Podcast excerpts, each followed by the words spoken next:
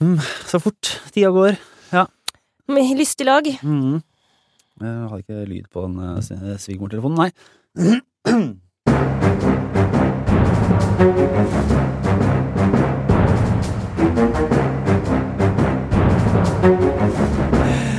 Ja, der ja. Der kom gjespen, Kjetil. Det er godt.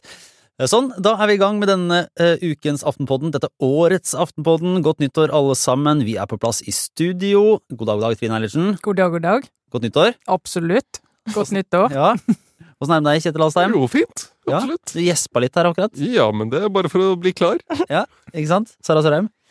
Jeg har gått rundt i Oslo sentrum med som litt høyhælte sko i dag. Så gratulerer meg med at jeg er her i live. Og at jeg, altså at jeg er her, er en bragd. Det er ekstremsport, Sara. Jeg har gått ved siden av henne på fortauet. Det vil si, det går ikke an å gå ved siden av, du må gå bak. Det er altså snøkaos i Oslo. Til orientering. Flere andre. Ja, fordi resten av landet gråt en liten tåre og spill på den lille fiolinen, for nå er det busser som står i hovedstaden.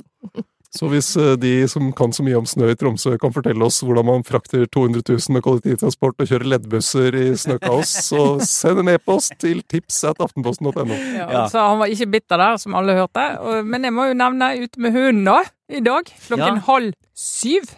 Gikk rundt, kjempet meg frem i snøfokker og fonner eh, oppe i gaten her. For det, det er jo, jeg bor jo på en sånn sidevei som er ganske langt ned på brøytelisten til Oslo kommune.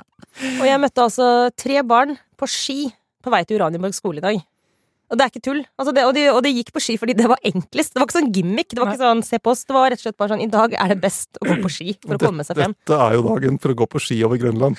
Ja, oi, oi. Nei, men det er bra. Eh, vi, altså, vi starter jo alltid nye år med, med blanke ark og nye muligheter og optimisme for det som skal kunne bringes. Men dere har vært, på, eh, vært innom en tur på NHOs årskonferanse. Ja, det er jo eh, på å si hver torsdag etter nyttår. eh, Første ting som skjer. Eh, Så da samles jo eh, først og fremst norske næringslivsledere og personligheter, og masse forvaltning, masse politikk. Mange sånne som oss. Men jeg husker fra i fjor, for da var det Den var jo for det første utsatt og masse greier, og så var det vel en sånn introvideo på starten av dagen. Der man liksom, som var supervelprodusert, da, og som en sånn eh, filmtrailer og masse action, og det var bare en sånn De siste tre årene, altså viste klipp fra pandemi og krig og bare faenskap, eh, og det var sånn skikkelig sånn dramatisk og fælt. Um, var det mer optimisme denne gangen her, Sara? Mm, nei. Nei. Men det var mer sånn trist. Altså i dag, eller eh, denne, denne konferansen, hadde mye mer sånn fokus på sånn enkeltmenneskets indre uro. Det heter Uro, hele Ja. konferansen. Så det, introduksjonen handlet mer om sånn Vi får møte liksom en og en person, altså litt mer sånn menneskemøter. Og jeg må bare si at eh, jeg kjenner at jeg orker ikke menneskemøter, jeg. Jeg vil ha sånn hardcore. Jeg vil bare ha, jeg, jeg orker heller ikke sånn Mak makromøter er bedre. Mak ja. Jeg foretrekker makro foran mikro eh, når man først skal snakke om de store spørsmålene i livet. Altså, da må vi heller snakke om sånn, ok, hvordan løser vi det? Orker ikke å høre sånn Jeg føler meg urolig.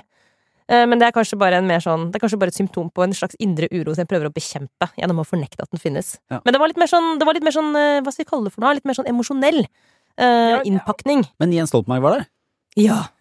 Ja, og, og det Litt var mindre jo entusiasme nå, Sara. det var, det var veldig vittig, for jeg satt ved siden av Sara, og så kom han på scenen, og så hørte jeg en som ropte sånn 'ja!' Og så tenkte jeg gud, var det Og så jeg måtte spørre Sara var det du som jublet nå. Da ble hun litt fornærmet, det skal sies, men det var faktisk jubel i salen. Det jubel i salen. Men det var ikke du. Men, men det, han sa jo mye av det som vi er vant til at han sier, men det som er interessant i denne sammenheng, syns jeg det var det han eh, Han hadde noen læringspunkter fra, fra det siste året og oppkjøringen til krigen, men et av de læringspunktene var jo at eh, det å gjøre seg avhengig av autoritære regimer, det er veldig, veldig farlig.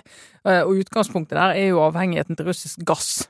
Eh, Og hva som skjer når en autoritær leder sier nei, men da skrur jeg av gassen, da. For det, altså, vi som kommer fra land som tenker at vi er ganske rasjonelle med tanke på hva Hvis det gagner de, så gagner det oss, og så har vi et marked, og setter vi en pris, og så handler vi, og så lager ikke vi noe større nummer ut av det. Eh, Og det har vært logikken, sant. Helt siden den kalde krigen eh, og muren falt og alt dette ble avlyst, så skulle vi jo handle sammen i en stor, fredelig verden, og alle skulle ha vekst. Eh, Og så ser du plutselig at du har ledere og regimer som bruker akkurat de relasjonene til å si ah, nei, vi skrur av. Mm. Og det er en måte å drive krigføring Mm. på. Men poenget til Stoltenberg, også jo der han er og syns jeg forbilledlig tydelig, og merker også at hans generasjon og alle vi som har på en måte vokst opp på 90-tallet og utover 2000-tallet og omfavnet globalisering og nye muligheter og investeringer i Mm. forskjellige land, kan hva han sier at eh, det er ikke bare et økonomisk og, og, et bedriftsøkonomisk spørsmål om du skal gå for en lønnsom mulighet i et land som Kina. Det Mm. er eh, også en politisk vurdering. Eh, og som man sier, krig er for viktig til at generalene kan holde på med det alene. Eh, og næringslivet er for viktig til at næringslivsledere kan holde på med det eh, alene. Og det syns jeg faktisk er ganske sånn Det er veldig Ja, jeg tror det er mange av oss som kjenner på det. At eh, her må vi liksom politikere og næringsliv snakke sammen med utgangspunkt i sikkerhetspolitikk på en annen måte enn vi har gjort det i de, siste i de årene når vi har vært helt ville etter å investere i Kina og bygge relasjoner i regimer som er ikke stabile på den måten vi mener er stabile. tror dere at Jens Stoltenberg kunne sagt En ting er om han ville sagt det samme før han ble generalsekretær i Nato, eh, for da var jo virkeligheten og, og mye har skjedd siden den gang som han ikke kunne vite om. Eh, Men tror du på en måte Kunne du plassert han som norsk politiker og så fått ham til å si det samme? Og liksom Går det an å ta noen faktiske konsekvenser av det, eller blir det en festtale? For det er jo ikke så lett å si sånn nei, vi skal ikke handle mer med Kina. Altså, Jo, han, han sa jo det, du skal handle mer med Kina, men du skal, eh, du skal eh, være varsomme med noen av beslutningene, eksempel 5G og infrastruktur. Og vi vet jo at Tyskland, en del tyske byer, har i praksis solgt havnene sine til Kina. Nå! I Mm. høst gjorde de det. Hamburg, for eksempel. Liksom, ok, Vi har ikke råd til å holde på med denne havnen, og Kina er jo alltid der og sier men det har vi. Eh, og de har jo drevet seg med sånn myk makt i masse i Afrika, også i Sør-Amerika, under radaren på en måte, og bygget en del sånn eh, holdepunkter rundt i verden som gjør at en, hvis de plutselig har lyst til å skru til og bruke den makten på en annen måte, så står vi ganske maktesløse i møte med det, da. Det er liksom to formuleringer som liksom, som jeg tror ikke, ikke tror nødvendigvis han ville kommet med da han var statsminister, eller som en norsk politiker kanskje heller ikke i dag så naturlig vil ta i sin munn, da. Men det ene er liksom det, altså, butikk er politikk. Og da sa jo Stoltenberg også at han, han var jo litt sånn selv, ikke selvkritisk, men han reflekterte litt over at han har vært en av de aller sterkeste stemmene for nettopp internasjonal handel og, og samarbeid på tvers. Men når han sier som at, som du var inne på nå, Trine, at butikk er politikk, og at vi må tenke mye mer strategisk på det, så var det ganske sånn Det var nok ikke tilfeldig at det budskapet budskapet kom akkurat på NHO-konferansen til norske næringslivsledere. Da syns jeg var ganske sånn insisterende. Men det andre som kanskje er mer sånn fremmed, er jo det han sier når han sier at våpen er veien til fred. Sant? Det er jo en hauk som står der. Altså, han, han er ikke lenger han eh, Altså, det er, det er lenge siden Jens Stoltenberg var en ung militærnekter. Eh, og det er en brutal eh, tale han holder i så måte, da, ikke sant? Det er ikke noe kjære mor der, altså. Det er liksom bombene må falle før, før, før freden kommer. Og det eh, verste med det er kanskje at det er sant. Altså, de Årskonferansene til NHO har jo alltid vært et sånn favorittsted for Jens Stoltenberg å holde taler. Han har jo elsket å gjøre det. Alltid både- god der, egentlig. Ja, Ja. både som statsminister og opposisjonsleder og sånn. Eh, og han har jo ofte vært veldig morsom, og det er han jo ikke lenger. Altså Det er veldig lite morsomt i talene hans. Så det, det budskapet om, eh, om handel kontra sikkerhet og hvordan du balanserer det, eh, det er jo et veldig riktig sted å, å ta det på den Mm. konferansen. Han gjorde det også på, i Davos i mai, da han sa at eh, frihet er viktigere enn frihandel, blant annet. Og så er jo spørsmålet hvordan gjør du det i praksis? Mm. Eh, Hvordan, eh, hva betyr det? Eh, Du skal fortsatt handle med Kina, men med hva skal du ikke handle med Kina? Hvis du skal sikre deg tilgang på viktige mineraler, sikre deg beredskap for medisinproduksjon, hvordan gjør du det? Hvordan bygger du da allianser av liksom vennligsinnede land? Eh, I Europa jo, gjør jo mye av det, og, og forholdet til USA blir jo viktig, men det er liksom, hvordan løser man dette i praksis, blir jo kjempeviktig for fremover. Og det som bare for siste poeng der, Lars, sånn, det som jo er ganske kritisk når det gjelder med Kina, er jo at når han advarer mot å gjøre oss avhengig av enkeltprodukter, eksempel fra Kina, da, at du gjør deg avhengig av et autoritært regime fordi du trenger de produktene de lager, så er det en grei advarsel, og det er sannsynligvis helt riktig, men det er jo også for sent. Vi er jo avhengig av Kina, sant? Og det syns jeg, der gikk han for så vidt ikke noe sånn inn i akkurat den problematikken, annet enn å bare reise pekefingeren. Men altså, det er, det er veldig vanskelig per i dag å forestille seg eh, at vi skal liksom gjøre oss uavhengige av, av handel med Kina i løpet av det Altså, det det kan ikke se for meg hvordan det liksom skal være praktisk løsbart.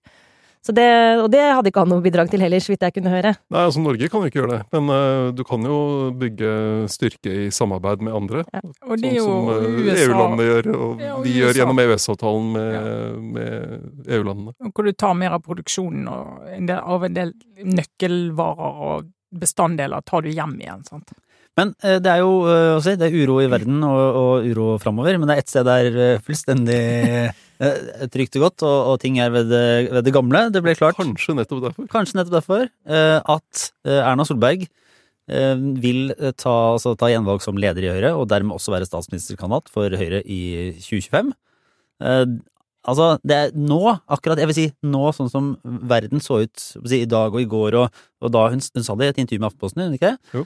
Um, så kom jo ikke det som noe sjokk, men jeg tror i hvert fall at jeg hadde blitt litt overraska i høsten 2021 etter valgnederlaget. Litt sånn, hvordan kommer det til å se ut i Høyre om fire år? Mm. Uh, hvis, hvis det var sånn, ja, Erna Solberg, bare fortsetter hun. Jeg, trodde høsten 20, altså etter valget 2021 at eh, hun kommer til å gå av i løpet av perioden. Eh, fordi eh, hun har vært, da hadde hun vært statsminister i åtte år. Hun hadde vært Høyre-leder i 17 år da, tror jeg. 19 år nå. Ja. Mm. Og hadde bygd opp et ganske bra utvalg av arvtakere. Og partiet kunne kanskje trenge noe fornyelse, da. Eh, men eh, så, De trengte ikke det. så, sånn blir det ikke. Og det, det kan jo ha eh, Jeg tenker det er flere ting som kan spille inn her. Det ene er jo er de andre klare? Altså de som kan overta. Er de klare? Har de lyst til å overta? Eh, og har du lyst til å overta på et Høyre som ligger over 30 og du vet at Stabilt over 30 ja, og du vet at hvis du overtar, så er du den som skal forklare hvorfor det går nedover mot 20. Jeg tror, du, er, tror du det er en på en måte en så si, enkel betraktning? For at eh, sannsynligheten er at det går nedover eh, uansett, er det Ja, ikke ja, det? jo da, men hvis du tar over et parti når det ligger sånn tjuhu der oppe, og så skal du bli liksom du sjefen for nedturen, det er ikke så gøy. Men, jeg- og, og så har vi jo sett Erna Solberg ute på tur, eh, busstur i fjor. Uh, dure rundt på egentlig en ekstra valgkamp i et sånn eh, mellomvalgsår. Uh, og det virker som hun bare får masse energi av å dra rundt. Mm. Og så tror jeg i tillegg det kommer det der med akkurat det der med uro. Eh, at de ser at eh, Høyre gjør det så godt fordi folk har tillit til hennes styringsevne. Eh, og at det er mye av forklaringen på Høyres, Høyres gode tall. Og da, da kan du Da liksom har de mye å drive valgkamp på og stille opp med også i 2025, da, basert på det. De har jo en del sånn valuta, rett og slett, som handler om sånn troverdighetsvaluta, som gjør at Erna Solberg kan stå og si nei, men strømprisen hadde ikke vært lavere med oss, det hadde vært omtrent akkurat det samme, og vi hadde omtrent løst det på samme måten. Og ingen reaksjon på målingene på det. Eh, og hun sier også noe med Follobanen, så er det litt sånn Nei, det har sannsynligvis vi en god del ansvar for også. Altså, det er liksom, hun kan, hun kan være litt sånn raus og raus med på en måte de som sitter i posisjon, for hun er så trygg på at ja, jeg er en sånn politiker som har troverdighet også fordi at det er ikke alt som går på skinner hele tiden, for sånn er det å sånn lede et land. Men Motsatte. jeg, ja. jeg ville ledet det bedre enn de ligger under her, sant. Og det er jo en del som eh, trekkes mot akkurat nå, da. Litt sånn motsatt av hva type, Vi kommer kanskje tilbake til Arbeiderpartiet, men litt sånn mm, de, de tror ikke det kunne falt type Kjersti Stenseng inn å være så raus tilbake eh, til opposisjonen. Altså noe med sånn hvor trygg man må være man, før man også kan på en måte bare la andre ta seire, eller være litt ja, ja, ja, jeg har min del av ansvar og Men jeg bare lurer på, altså Når du bikker 20 år som partileder altså det, det er mange gode argumenter her for at at Erna Solberg er et sterkt kort for Høyre, og at det så, sånn sett er klokt av henne å fortsette. Men liksom, hvis man Altså, den oppslutningen de har nå, skyldes jo mest sannsynlig at det går fryktelig dårlig på andre siden av streken. Hvert fall så kan det hvert fall være det. Altså, de har sittet stille i båten nå i et halvt år og nådd 30-tallet på meningsmålingene, men i hvor stor grad det er avhengig av at det er akkurat Erna Solberg som leder partiet, det vet vi jo ikke. Men det kan jo være at det er litt overdrevent, da. I så fall tenker jeg sånn, hvis du bikker 20 år som partileder og skal gå løs på nok en valgkamp, altså Så er det, er det ikke veldig få sånn, Hvis du tenker sånne litt sånn, Nå skal jeg ikke si at hun er eneveldig, da, for at det er jo et lag, og hun, jeg tror hun er sikkert god til å få med seg alle, men hun sitter liksom sånn eh, på toppen av et parti. Det er ikke så mange som har sittet liksom, mer enn 20 år på toppen av et parti, og så sier man i ettertid at ja, de ga seg på et helt perfekt tidspunkt. Eh, det var ikke for lenge i det hele tatt. Ofte så er det jo litt sånn eh, veldig, veldig Carl I. Hagen du tenker på nå? Ja, ja, eller men, altså, men han, ja, gjorde jo på, han gjorde jo på en måte det, da. Han uh, ga seg sånn at Siv Jensen kunne overta og bygge, Og bygge- en, ja. etter hvert over noen år, da. Og bare han egentlig ikke ga seg. de Ja, angra seg bare. Ja. Ja, ja. De Han skulle angra gå i seg regjering, ja. på at de kunne gå i regjering. Men Men bare, altså hvis, poenget mitt var egentlig at hvis nå uh, Høyre begynner å falle igjen, da La oss si at uh, altså, disse her eh, tyngdeforholdene forandrer seg jo litt eh, naturlig gjennom en sånn fireårsperiode. Så hvis Nei, det skal vel mye til at hun går inn i valgkampen, at Høyre går inn i valgkampen til neste stortingsvalg eh, med den oppslutningen de har nå. Det er vel ingen som tror det. Så bare da er det jo for sent å begynne å tenke nytt rundt partiledelsen, selvfølgelig. Altså, det valget er jo nå tatt. Jeg bare lurer litt på. En liten stemme inni hodet mitt sier sånn om to og et halvt år vil det fortsatt se ut som et veldig godt valg av henne, og liksom ikke slippe til noen nye. Jeg bare ja, Det jeg er sikker på det. Litt av utfordringen er jo hvor mange er det som står der og vil inn. sant? Altså, vi har jo snakket mye om det at Høyre har vært mye flinkere enn Arbeiderpartiet til å bygge og dyrke talent og få liksom mange nok opp på det der nivået som gjør at de har mulige kandidater.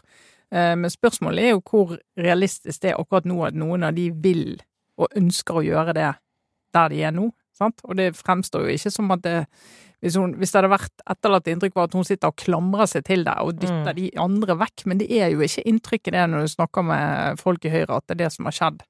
At folk står der og trodde at nå var det endelig min tur, men nei, da tok hun jammen meg en periode til. Ja, og klart det er relevant, og det vet vel Eller hvis det er et velfungerende apparat eh, rundt partiledelsen, så er det sånne ting de har tatt høyde for. Altså Da er jo dette ikke en soloavgjørelse, men en mer sånn kollektiv beslutning, da.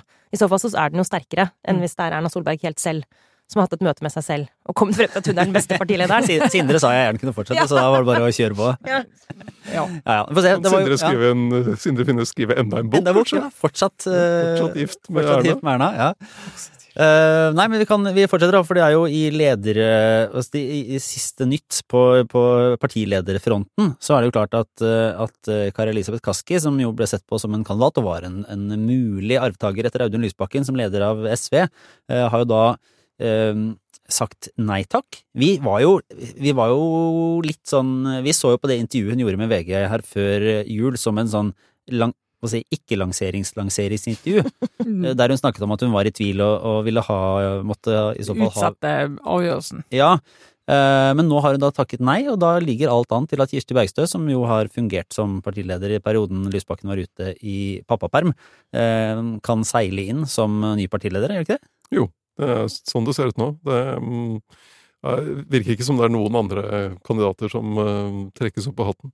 Og dette har allerede rukket minst to omganger i sånn hvor er vi hen nå i den offentlige diskusjonen om dette. Først så kommer jo da alle, alle vi som ikke er med i SV, som har eh, tenkt at Kaski er den åpenbart beste kandidaten, og vært gjennom en sånn sorgprosess. og så har det kommet av den der motreaksjonen med alle de som nå, det er vel der vi er nå omtrent, da, som mener at nå må Oslo-kommentariatet slutte å bry seg fordi eh, det er helt feil at uh, dette handler om en høyre-venstre-diskusjon i SV, og at uh, det er helt tåpelig å sette opp liksom Kaski og Bergstø som to motpoler her, og bladdi, bladdi, bladd, og nå må vi respektere liksom partidemokratiet. Og de har funnet en god løsning. Men det er ikke Og- vår rolle, Kjetil. Nei! Nei, altså Og respektere partidemokratiet. Nei, Altså, på sitt vis. Vi respekterer rollen vår òg. Vi er jo ikke medlem. Ja. må jo prøve å forstå hva som skjer inne i partiet. og Grunnen til at det var uh, Kari Elisabeth Kaski lå jo godt an. Uh, hun kunne godt ha vunnet en lederkamp hvis hun tok den. Og da er jo spørsmålet hvorfor var det så mange i partiet ville ha henne og ikke Kirsti Bergstø? Mm. Og det handler jo om lederegenskaper, og det handler om eh, eh, Bergstøs manglende eh, klima- og miljøprofil. Og, og ikke minst det er lederegenskaper. Du har jo sett hvor viktig det er med Audun Lysbakken. Altså gjennom fjoråret. Hvordan han har greid å posisjonere SV i først det å få partiet etter et par runder til å si ja til våpenhjelp til Ukraina, og så la denne Nato-debatten gå, som ender med at, de, at sentralstyret før eh, altså kom med en anbefaling til landsmøtet nå om at eh, de skal stryke dette målet om å melde Norge ut av Nato og liksom forholde seg til realitetene, nemlig at eh, for det første Russland er en, eh, en aggressiv nabo, og Sverige og Finland går inn i Nato. Og det er jo, Hvis du skal få til noe sånt i et parti, så må du jo ha en evne til å, å liksom nyorientere deg i, i situasjonen, avhengig av hva som skjer rundt. Bergstø var jo imot eh, begge, begge de endringene. Både den debatten om Nato og, og våpenhjelp til Ukraina. Mens eh, Kaski var støttet Lysbakken på begge. Så det handler jo litt sånn om hvordan Det handler jo om lederegenskaper. Men det, det, det, det er jo da det blir så rart når en del av de som åpenbart ønsker seg eh, Bergstø, sier at det handler ikke om forskjeller mellom de to. Mm. Det er bare sånn, det er litt, litt sånn Nei, denne forskjellen fins ikke.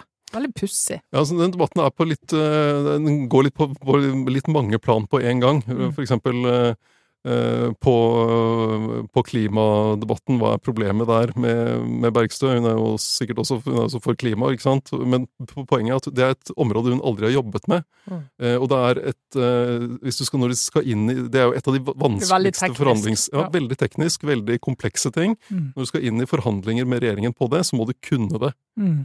Eh, Og det vil jo da de som nå ikke fikk Kaski, som kan det, eh, vil jo nå prøve å få inn noen som nestleder som, som kan sikre den kompetansen. Ja, Og det er jo ikke noe du bare bygger opp kompetanse på på en halv helg. Det er veldig, akkurat det mener jeg er også relevant eh, for hele norsk venstreside. Hvis du tar også med Senterpartiet der, da, så Hva skal vi kalle den, den ikke-borgerlige siden av norsk politikk, eh, så er det jo ikke Altså, hvem er det som tar eierskap virkelig nå til klimapolitikken? Eh, nå sier ikke jeg at Bergstø at hvis hun tar over SV, at det betyr at SV ikke plutselig blir opptatt av klima. Det, jo, det er ikke saken. Men som du er inne på, hun har liksom ikke fremstått som en av de som har det øverst på sin eh, prioriteringsliste i så måte. Eh, og et Arbeiderparti som er sv- svakt og ganske sånn prega av Senterpartiet og LO fra hver sin kant. Så er det liksom litt sånn åpent, liksom, hvem er det som skal, virkelig skal bli den på en måte løsningsorienterte, konstruktive stemmen på klimapolitikksiden liksom, til venstre for streken? Jeg syns det virker litt sånn Akkurat nå så er ikke det veldig åpenbart for meg. Men det er vel et, er vel et, et eh, faktum i den diskusjonen, eller sånn, hva skal jeg si, også kommentatorenes liksom beskrivelser av de to ulike eh, lederkandidatene, da, og hvordan det er at eh, Kari Elisabeth Kaski, vi har jo også snakka om tidligere at folk har liksom tenkt at hun er nestleder, men hun har ikke vært det, fordi hun har hatt en tydeligere profil, eller har vært en stemme som kanskje flere har forstått. Eh, Ikke minst på grunn av rolle i rollen, finanskomiteen. ikke sant? Som Mm. har, har syns mer enn det Kirsti Bergstø har gjort, i hvert fall fram til hun ble vikarierende leder, men, men i og for seg også litt i den perioden ikke har stått fram eh, fordi hun kanskje ikke har hatt rollen til å gjøre det, men som en sånn veldig sånn, med et veldig tydelig prosjekt.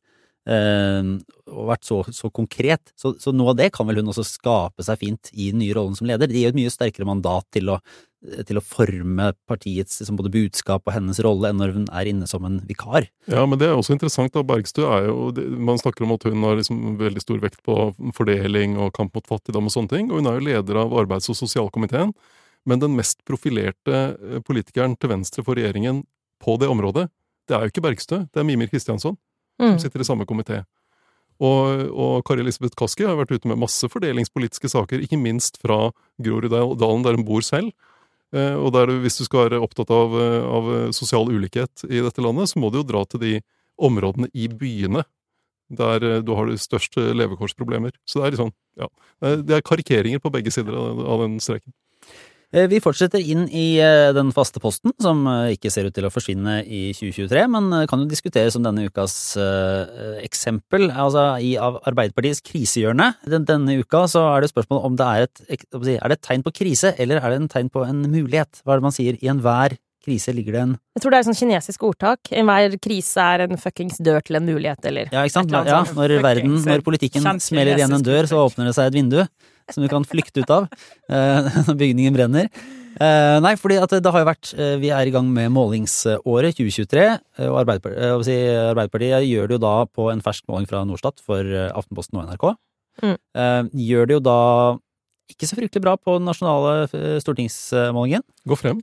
Går- ørlite grann Ja, frem. Ja, det- og mer enn ørlitt. Det er jo på, oppe på 19-tallet. Så her kanskje det Og så var det Vårt Land som hadde rett før jul nede på 14-tallet. Og Det er ganske stort sprik mellom de to målingene. Som, som da bare er liksom tatt opp med to ukers uh, mellomrom. Jeg tror det var den hvor- juleisbadet til Støre så Ja, det var kanskje det. Ja, kanskje til det. lite Men også var det jo da Men den altså eh, altså kommunevalgsmålingen var jo da også mer positiv både for Senterpartiet og for Arbeiderpartiet. Så kanskje er det, er det, er det en, denne ukens eh, krisehjørne er spørsmålet er det ikke krise lenger? Nei, jo! Har det snudd? Er det det vi lurer på? Men altså, det, på et eller annet tidspunkt så er jo kriseforståelsen forandret seg. Altså, hva er, altså, det, det er bare rart med det. Tiden er en egen faktor her.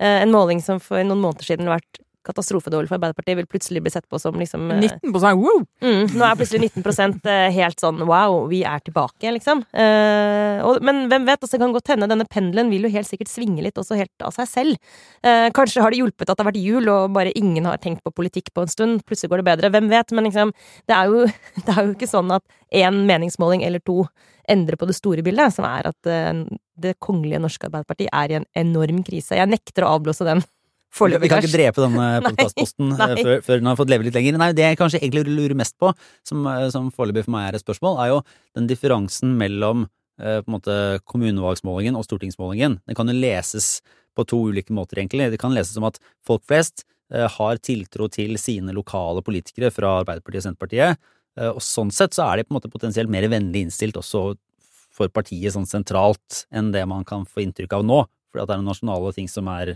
dårlig. Eller så er det jo på en måte at eh, de nasjonale målingene er så dårlige at de kommer til å trekke med seg kommunevalgs- og fylkestingsvalgsmålingene og, valgresultatet etter hvert som tida går. At, at man, eh, man følger den nasjonale kurven mer og mer, heller enn også bli mer, eh, mer lokal da, eller regional.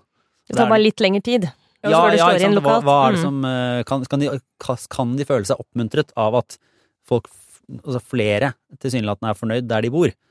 Du må jo gripe Altså, alle partier griper jo det de kan i en sånn måling, øh, og det, det vil jo Men, men jeg syns det, det er litt vanskelig å si, da. Det er litt tidlig, og spørsmålet er har folk, de som blir spurt, har de skrudd hodet inn på kommunevalg i det hele tatt? Det, veld, det, er veldig, det er veldig markert forskjell på, på, de, på stortingsmåling og, og kommunemåling. Så, men, men det, er, det er jo vanlig, helt normalt at det er forskjeller på partiers oppslutning i kommunevalg og, og i stortingsvalg. Og det var en, noe valgforskning fra forrige kommunevalg som viste at lokale saker så ut til å få større betydning. Eh, og en sånn stigende kurve på det. Så det, dette skal vi snakke masse om utover våren. Men jeg har bare lyst til å nevne i forbindelse med det også den altfor lange, men litt interessante likevel, eh, kommentaren til eh, politisk redaktør Erik Mosveen i Avisa Oslo her denne uka her. Og, og nå handler jo ikke lokalpolitikk eh, om Oslo, men for meg handler det om Oslo. Eh, sånn som det gjør for alle der man bor. Det er klart at eh, den regjeringen vi har nå, vil jeg tro, har ikke jeg sett eh, den siste kommunemålingen, men, men det er klart at eh, den politikken mm, vil jeg tro er lettere for å få oppslutning, i hvert fall ute i distriktene, enn i de store byene. Så det er klart at det, det kommer jo til å være et eh, interessant sprik der. Hans poeng, Eirik Mosveens poeng, er nemlig at eh, det er en underkommunisert side av Arbeiderpartiets krise, at det også skyldes en manglende storbypolitikk, Mm. og at eh, mange av de velgerne som nå har sagt takk for meg eh, i Arbeiderpartiet, mener Mosveen, da, og jeg tror han har litt rett, eller har et poeng der i hvert fall, at det kan også skyldes at, at det er ganske mange som opplever at Arbeiderpartiet ikke lenger representerer dem. Og hvis du har en relativt høy inntekt og bor i en by, så er det jo mange grunner til å føle det sånn, hvis man ser på hvilke type politiske utspill som har preget liksom, Arbeiderpartiets retorikk da, de siste, de siste årene, og spesielt i den, den forrige valgkampen. Eh, og det der tenker jeg blir liksom det blir jo veldig interessant for Raymond Johansen for eksempel i Oslo, i hvor stor grad han nå opplever at han må stå til rette for å forsvare den nasjonale politikken til Arbeiderpartiet i denne kommunevalgkampen.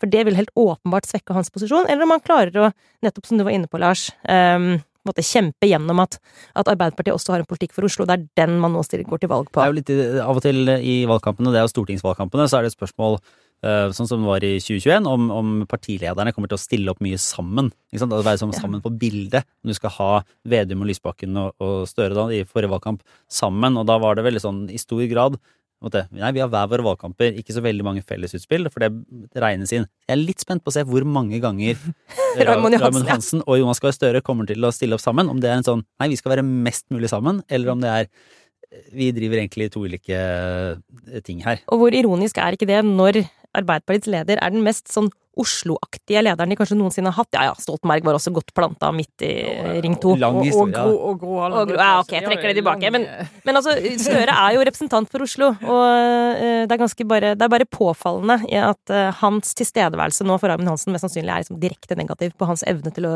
vinne nok et valg i Oslo.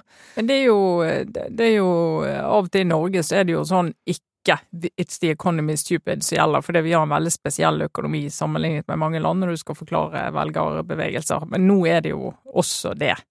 Eh, Fordi at folk for første gang omtrent i denne generasjonen så merker folk ting. Mange nok, altså store, breie middelklassen, merker ting på lommeboken. eh, At det er vanskelig rundt oss.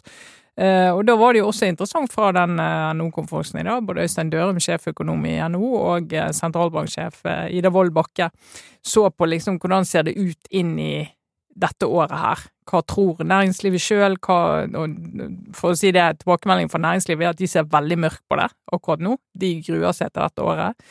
Eh, Men når de ser på andre indikatorer, så ser det ut som at fra høsten kanskje kan det være grunn til å tro på at vi på en måte er på vei opp i en ny opptur, da. Og hvis det skjer, så blir jo det ganske Har regjeringspartiene flaks, eh, så merker du en del av det eh, rundt valget og utover i september, at det begynner å bli Det roer seg litt, da. Og det vil jo også, tror jeg, uvegerlig gagne de partiene der. Og Det er jo det de håper på. I, altså Regjeringen hadde sånn strategikonferanse her på mandag og tirsdag, og det, det er jo noe av det folk i regjeringsapparatet håper på, er jo at de har fortalt den historien siden mai, altså revidert nasjonalbudsjett, at nå må vi holde igjen for å få prisveksten ned, unngå for, øh, at øh, renta skyter fart.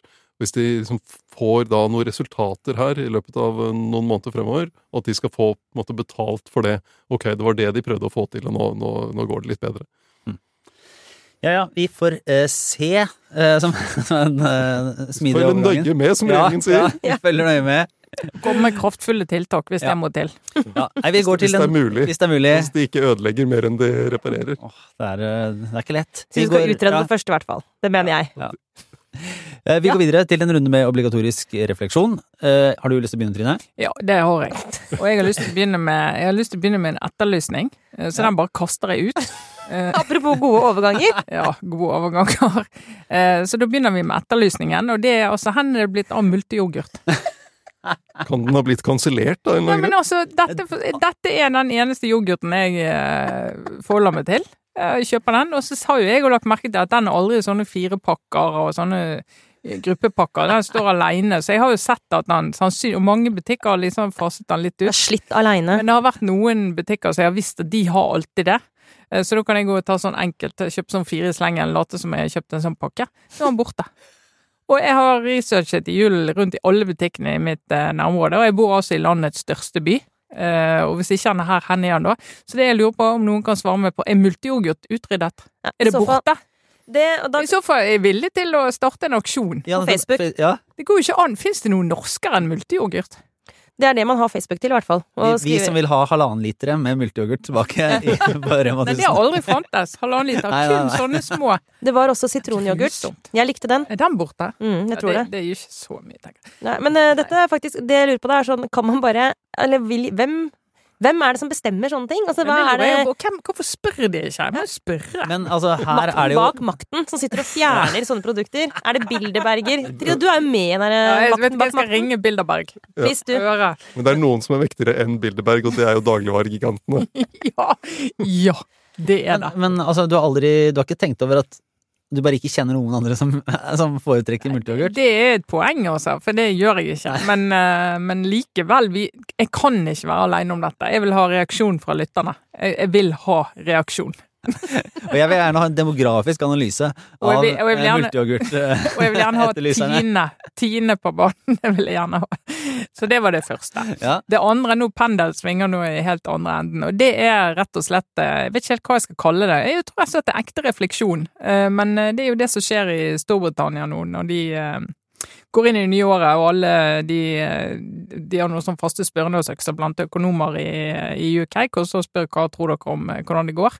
Eh, Og hvor de egentlig ganske unisont slår fast av at av alle G7-landene, så er det Storbritannia der det går aller, aller dårligst med økonomien. De kommer til å falle mye dypere, de har mye høyere inflasjon, de har mye vanskeligere statsfinanser. Eh, De kommer til å ha et veldig, veldig vanskelig år. De er plaget av masse streiker. eh, De er plaget av eh, ja, alt du kan tenke deg innenfor økonomiske problemer, som da går rett på folks liv. Og de snakker om grunner til dette. Pandemi har de skyldt på, men det har alle andre land vært gjennom. Krigen skylder man på i politisk ledelse. Ubrukelig Torry-partiet eh, skylder på det. Og så er det jo den store, store elefanten i rommet, som jo er brexit. Og mange, mange dårlige politiske beslutninger over tid fra en regjering som har drevet med gud vet hva.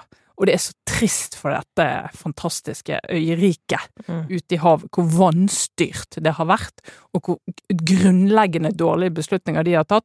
Og hvis ikke vi nå snart får satt ord på hvor feil brexit var, da kan noen forvilles til å tro at det ikke gjorde noe, men det har forsterket allerede store problemer.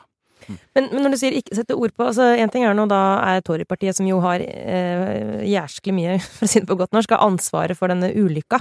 Ja. Men heller ikke opposisjonen, egentlig. Det er det som er litt rart. Altså, altså, jeg skjønner ikke hvorfor ikke Labour i mye, mye større grad bruker dette for alt det er verdt. For å sånn hamre løs på at, eh, at det trengs et regjeringsskifte til. Men jeg syns liksom ikke det Og det burde vært nyvalg, sant? ja, men jeg bare, jeg bare syns det er merkelig. Men de også har sliter jo med sitt forhold til EU, så det er jo en vanskelig sak liksom rundt baut. Ja, og så er det, så er det Eh, jo vrient, for det, er jo, det var jo på en måte 50% som ville ha Ja. brexit. ja, og det er jo fortsatt De ble jo forledet, sant? Ja, ja, men det er jo ikke så lett å forklare folk at Men det er nok Dere fortsatt en vanskelig sak å vinne på. Ja. Altså, det, er, det er fortsatt et tema som er altså, det er, ja. En av, en av grunnene til at det ble så stor oppslutning om brexit, var at Labour var så tafatt og hjelpeløs i den perioden her. Hadde helt feil eh, leder, Jeremy Corbyn, som nok eh, kanskje tenkte at EU det er egentlig ikke en så veldig god idé eh, for oss. Sånn at det var ikke noe ordentlig motkrefter med noen som kunne komme med god politisk argumentasjon for å bli der. Sånn. Så det ble jo en sånn bølge ut av det.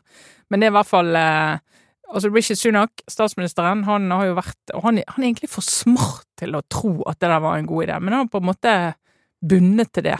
Han er fanget til det.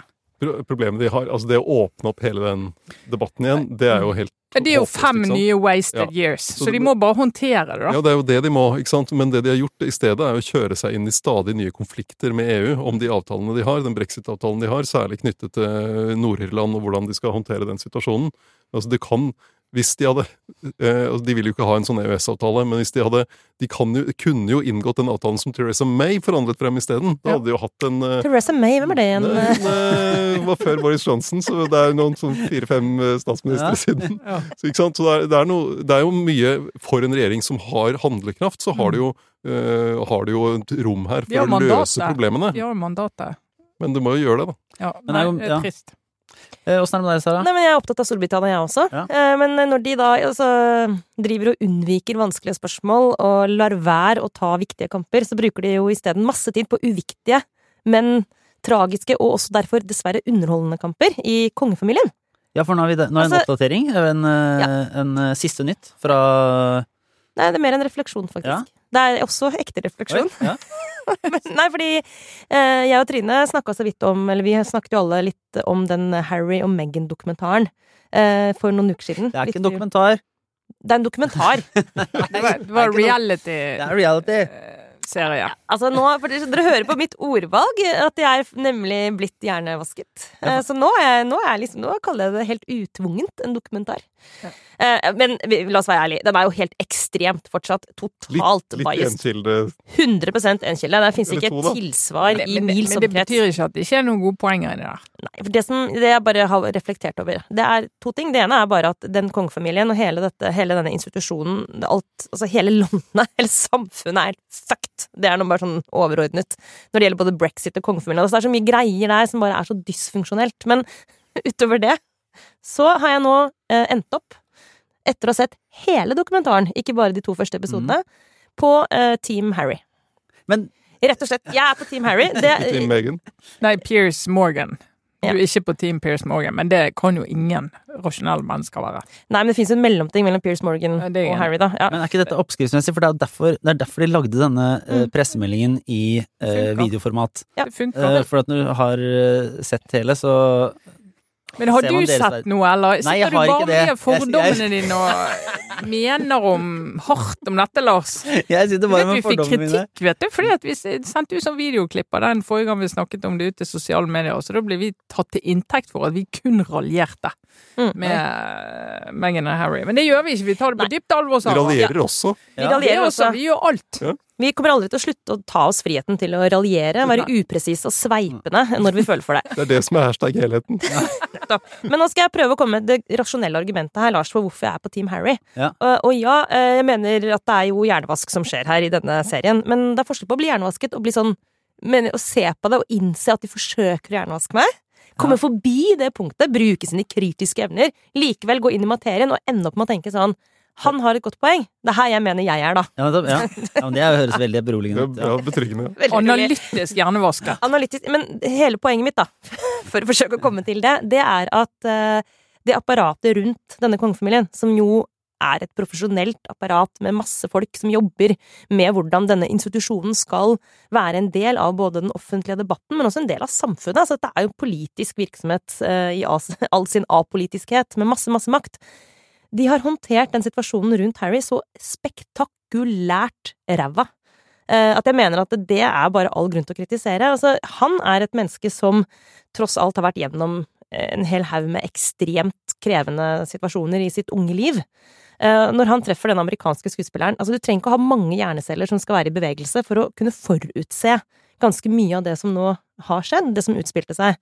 Og den manglende evnen til å både da legge, eh, legge en strategi for hvordan man skal håndtere en amerikansk prinsesse med hennes bakgrunn inn i institusjonen, og hvordan man skal håndtere prins Harry sin posisjon og sine åpenbare traumer, ubehandlede traumer, etter et liv i søkelyset til media, hvor han har opplevd å for eksempel la miste moren sin på så brutalt vis. Altså den cocktailen her, som nå på en måte dessverre bare spiller seg ut på sitt mest groteske vis, da.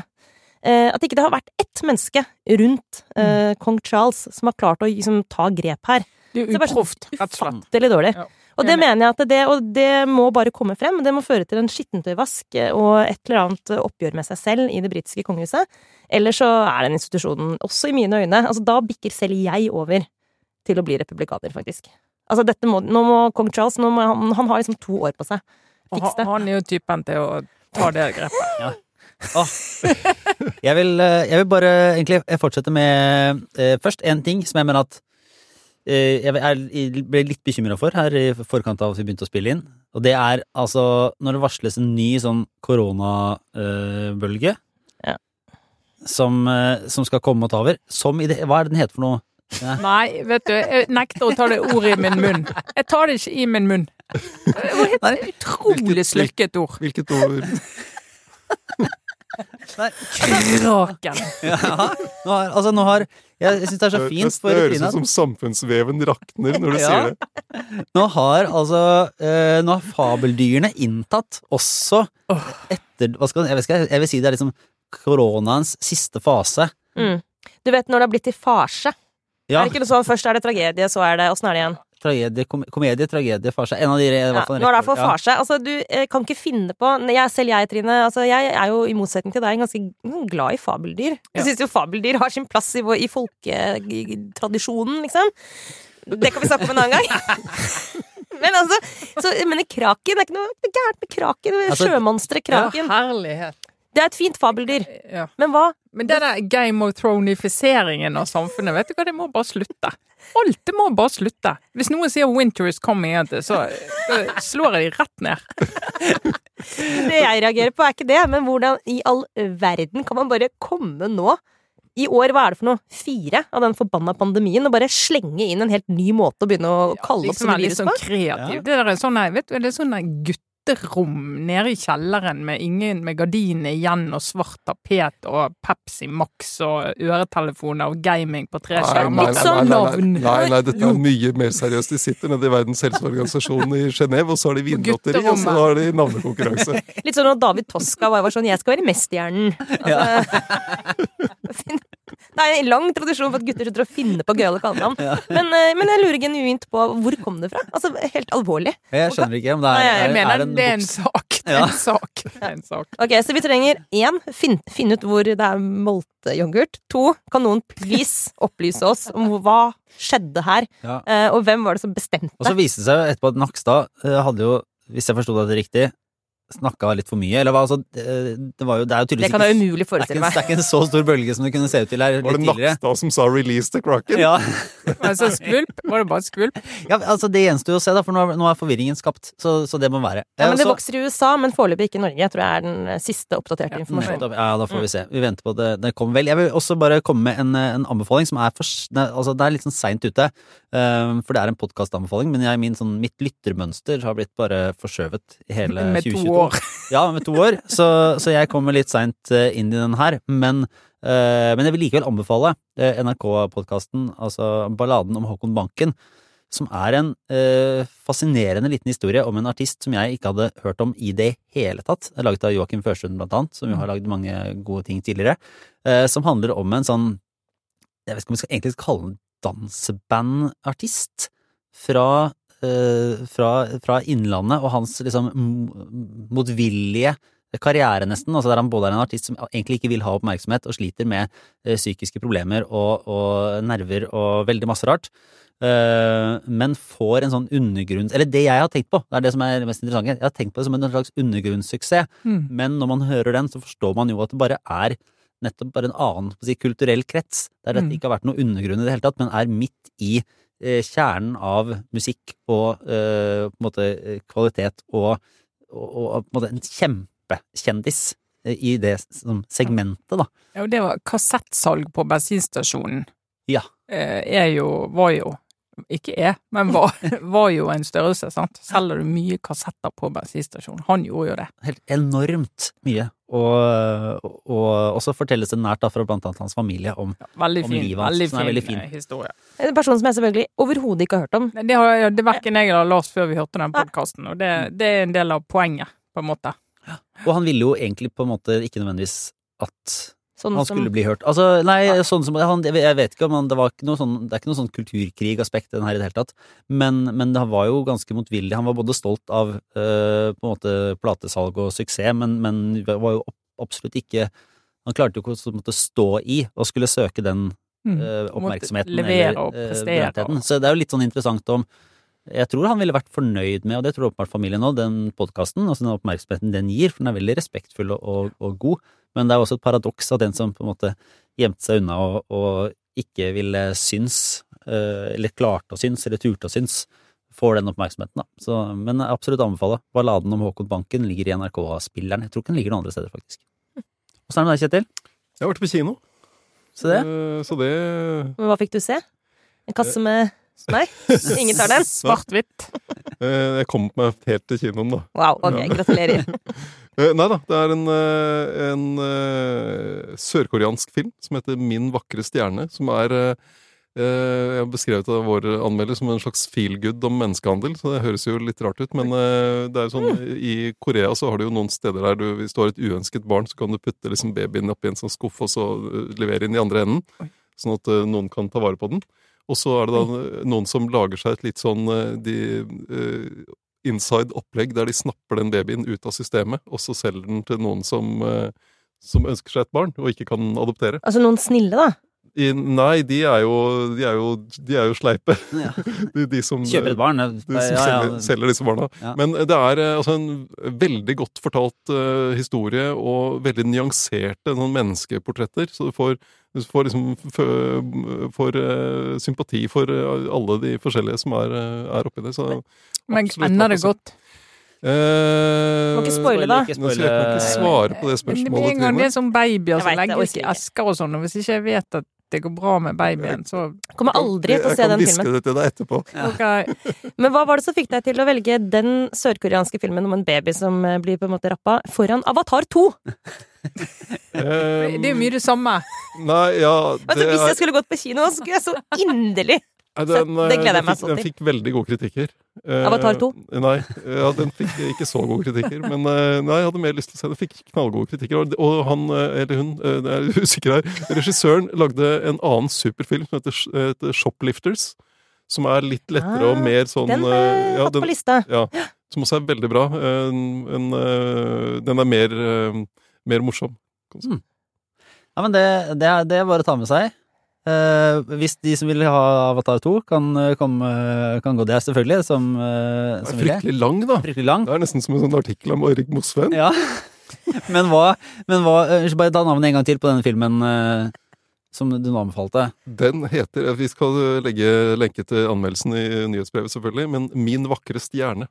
Nettopp. Ja. Nei, men da eh, takker vi for oss for denne gang. Vi eh, anbefaler jo alle som hører denne podkasten i de fullstendig åpne spillerne eh, om å abonnere, og dermed få alle månedens eh, fire utgaver av Aftenpodden eh, hos eh, Podme eller i Aftenposten-appen. Eh, for denne episoden er jo åpen, så vi takker til alle som svinger innom, og anbefaler jo alle å følge oss eh, hele veien, eh, for vi gleder oss allerede til å komme tilbake neste uke. Juhu. Eh, så Elsker januar, bare si det. Endelig. Helt fire normale uker uten noe tull og tøys. Nå er det bare blanke ark. Kaldt og snø og gønne på. Ja. ja det er veldig, var veldig positivt. Jeg kjente Det likte jeg. plutselig Jeg skjønner ikke hva som skjedde med meg. og. Kom overraskende, egentlig. Ja, Ja. for, veldig på meg òg. Jeg kjente plutselig bare en slags framtids... Ikke glede, kanskje, men en sånn mild entusiasme. Ja, Nei, men Det er veldig veldig bra. Det tar vi med oss. Takk for nå. Det var Aftenbonden Ha det bra. Sanne, Ja, Therese? Min kollega i Aftenposten. Ja. Endelig skal vi få lage lyd. ja, nå skal vi gjøre noe gøy. Men hva skal vi snakke om? Jeg tror du vet hva vi skal snakke om. vi, vi skal snakke om reality-stjerner, TikTok-mat, Hollywood-rettssaker, influenserdrama, moteskandaler, TV-seriene folk bare sier at du må se, men må du egentlig det? Vi skal rett og slett snakke om de viktigste sakene fra populærkulturens verden. Og internett. Og internett. Og vi skal ikke gjøre det aleine. Vi har fire faste gjester, én gjest hver uke. Og vi skal ha med oss hvem da? Tidligere kunnskapsminister og rappekspert eh, Torbjørn Røe Isaksen. Det er Dag Sørås. Det er Isalill Kolpus. Og eh, Instagram-kjendis Jawad El Bakali. Mm. Instagram-kjendis. Der er vi i gang. Jeg tror det er liksom akkurat der vi skal være. vi starter opp allerede på tirsdag 10. januar. Én episode i uka fra det. Mm. Og vi skal snakke om det beste i verden. Hør på Poprådet fra Aftenposten.